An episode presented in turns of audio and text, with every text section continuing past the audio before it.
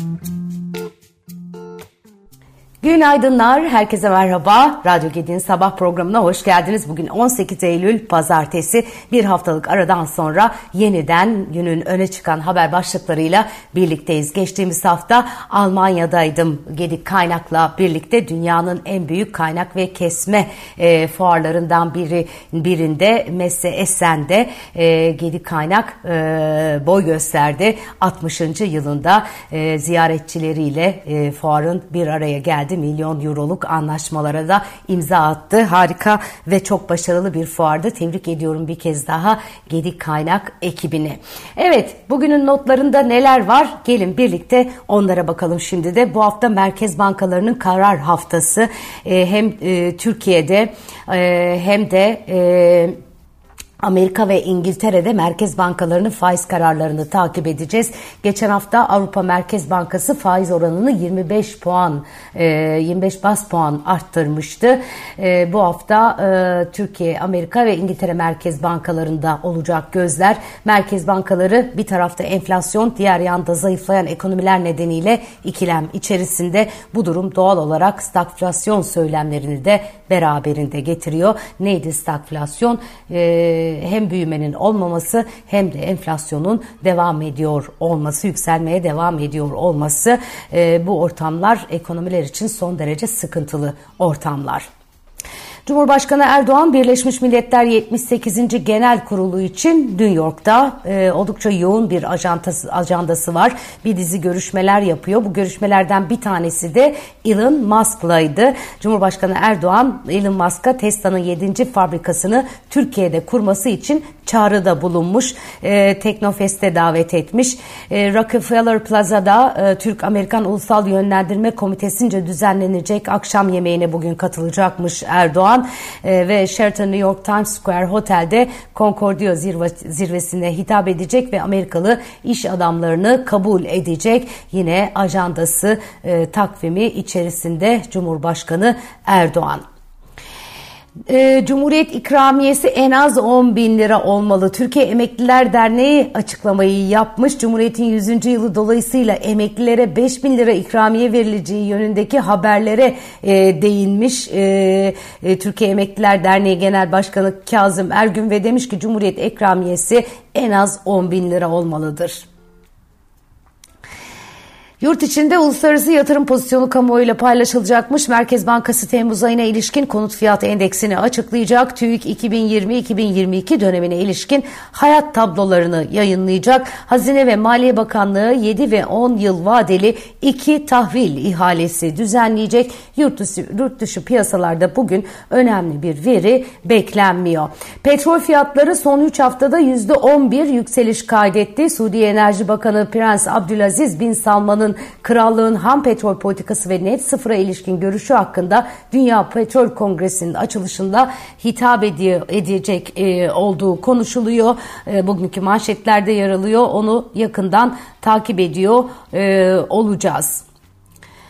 Evet CHP Genel Başkanlığı'na adaylığını açıklayan CHP Grup Başkanı Özgür Özel, Karaman'da partisinin olağan ilk kongresinde konuştu. Adaylığını açıklamadan önce bir tutum belgesi hazırladığını ifade eden Özel, adaylığımı açıklamadan önce konuşmam gereken herkesle konuştum. Bu tutum belgesini akademisyenler ve siyasetçilerden oluşan partideki en genç ve en dinamik ekiple yaptım. Bu ekip partiyi, sosyal demokrasiyi, partinin tarihini iyi biliyor. CHP ne zaman sıçramış, ne zaman aşağı inmiş biliyorlar. CHP Genel başkanı değişince bu iş tamam demiyorlar. Topyekun bir değişime ihtiyaç var diyorlar diye konuşmuş. Hazırladıkları 40 sayfalık tutum raporunun içeriğinden de bahseden Özel bu raporda genel başkanı bütün üyelerin seçmesi var. Tavizsiz koşulsuz ön seçim var. Vatandaşın memnun olmadığı yöneticileri nasılsa kazanıyoruz diye dayatmamak var demiş.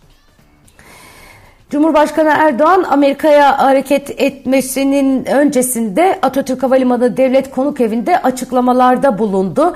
Ee, Türkiye hakkında hazırlanan 2022 raporunu kabul eden Avrupa Parlamentosu hakkında da açıklamalarda bulunmuş Erdoğan. Avrupa Birliği Türkiye'den kopmanın gayreti içerisindedir. Biz de bu gelişmeler karşısında değerlendirmemizi yaparız. Bu değerlendirmelerden sonra Avrupa Birliği ile gerekirse yolları ayırabiliriz demiş. Türkiye raporunda e, Avrupa Parlamentosu mevcut koşullar içinde yeniden e, AB'ye katılım sürecinin başlatılamayacağını belirtmişti. AB'ye üyelik yerine daha gerçekçi bir çerçeve bulmaya yönelik sürecin başlatılmasını tavsiye etmişti. Erdoğan İsveç'in NATO üyeliği konusunda da Batı İsveç, İsveç, İsveç diyor. Biz de diyoruz ki parlamentomuz karar vermedikten sonra evet veya hayır dememiz mümkün değil. Öncelikle İsveç'in üzerine düşen görevi yerine getirmesi lazım. Yasayı hazırlamak yetmez, yasayı uygulamak gerekir. Kalkıp da teröristleri İsveç polisinin koruması altında gösteriye sevk ediyorlarsa bunlar görevini yerine getirmiyor diye konuşmuş.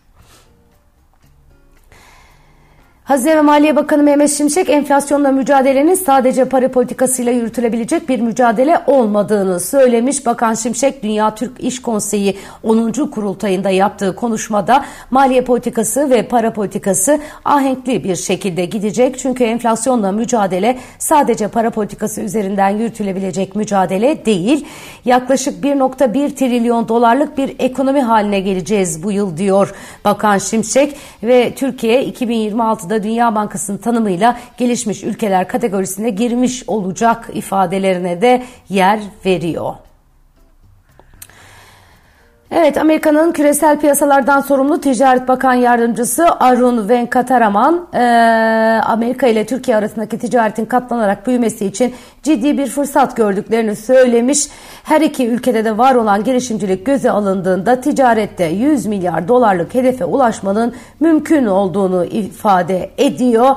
Türkiye'den Amerika'ya geçen yıl 16.9 milyar dolarlık ihracat gerçekleştirildi. Amerika'dan yapılan ithalatın tutarı ise 15.2 milyar dolar oldu. Böylece iki ülke arasındaki ticaret hacmi, hacmi geçen yıl 32 milyar doların üzerine çıktı. Şimdi anlaşılan o ki yeni hedef 100 milyar dolar olarak koruluyor, e, konuluyor. E, bugünkü e, rakamın 3 katı gibi bir noktaya ulaşması konuşuluyor. Hiç namümkün değil ama bunun için e, topyekün yekün hareket etmek gerekir. İhracatçıların gerçekten e, devlet tarafından desteklenmesi bu anlamda gerekiyor. Evet, metal işçisinin ilk toplu pazarlık toplantısı 26 Eylül'de gerçekleşecek. Sanayi devlerinde toplu pazarlık tarihi netleşti. Türk Metal Sendikası, Metal Sanayicileri, Sanayicileri Sendikası ile e, MES yani e, imzalanacak olan ve 140 bin sanayi işçisini kapsayan 2023-2025 grup toplu iş sözleşme görüşmelerinin ilkinin 26 Eylül'de yapılacağını duyurdu. Evet neler var? Grup toplu iş sözleşmesinde TİS e, de e, en düşük saatlik ücretin 65 liraya yükseltilmesi, ilk 6 ay için zam oranının %80, kıdem zammının %29,14 olmasını talep etmişti. Sendikadan yapılan açıklamaya göre sosyal haklarla birlikte toplam %119,05 zam talep ediliyor. Evet başka neler var? Şöyle bir bakıyorum. Ekonomim gazetesi manşetine bugün ihracatçıları koymuş. İhracat e, tarafında e, öne çıkan e, konulardan bir tanesini 180 gün cezasını manşetine taşımış. İhracatçının yeni gündemi diyor gazete 180 gün cezaları oldu. İhracat bedeninin 180 gün içinde Türkiye'ye getirilmesi yetmedi. Yasal süre içinde ihracat hesabını kapattırmayanlar vergi dairelerince savcılıklara bildirildi. Mahkemeler cezaları kesmeye başladı. İhracatçı posta yoluyla gelen tebligatların e, tebligatların sürece e, sürece olumsuz yansıdığını yasal süre içinde parasını getirenlerin cezalarının geri alınmasını istiyor. Evet, e, gümrük beyannamesinin 180 gün içinde kapatılmasında süreç kurbanı oldu ihracatçılar diyor bu haber. E, ihracat bedellerini 180 gün içinde ülkeye getirmesi zorunluluğunu yerine getiren ancak bürokratik işlemleri sonuçlandıramamış yüzlerce ihracatçı firmaya ceza yağdı. Türkiye'nin en önemli sanayi şehirlerinden birinde aracı bankalar tarafından vergi dairelerine yapılan ihbar sayısı 20 bini geçmiş. Türkiye genelinde vergi dairelerinin Cumhuriyet savcılıklarına intikal ettirdiği dosya sayısının 1 milyondan fazla olduğu öne sürülüyor. Türkiye'nin en gözde ihracatçılarına toplamda 2 milyon lira ile 10 milyon lira arasında cezalar geliyor. Ee, gerçekten e, çok üzücü e, bu durum. E, bir taraftan e, Türkiye'ye döviz girdisi e, kazandırmaya çalışıyoruz. Diğer yandan böylesi bir e, bürokratik ya zaten düzenleme de bir tuhaf ama onun üzerine bir de bürokratik engellerle büyük çabalarla gerçekten büyük performansla yurt dışına bir şeyler satanlara ceza veriliyor. Yani ben bizzat geçtiğimiz hafta Almanya'da bunu tecrübe ettim. Sadece Gedik kaynak için söylemiyorum. Türk şirketleri gerçekten büyük çaba sarf ediyorlar yurt dışında performans sergileyebilmek. E, buradaki üretimlerini sürdürüp dengede tutabilmek için. Yoksa bir sürü seçenekler var. Dünya e, global bir e, pazar olarak her yerlerde imkan veriyor şirketlerimize ama şirketlerimiz e, Türkiye'deki varlıklarını koruyabilmek için, memlekete katkı koyabilmek için, e, kar edebilmek için yurt dışını zorluyorlar ve bu zorlu süreçte onların yanında olunması gerekiyor. Cezalarla değil ya da böylesi bir yeni düzenleme yapılıyorsa o düzenlemeye uygun daha kolay bürokrasi de getiriliyor olmalı. Evet başka neler var? Ee, şöyle bir bakıyorum.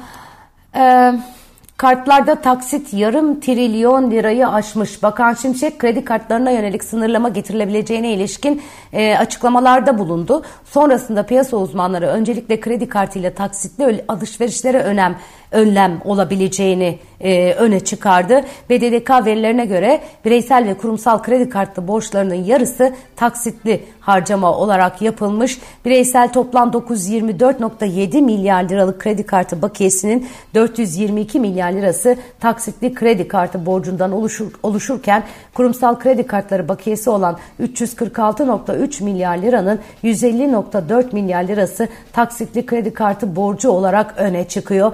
Toplam taksitli kredi kartı borçları ise 572,5 milyar lira ile yarım trilyonun üzerinde bulunuyor.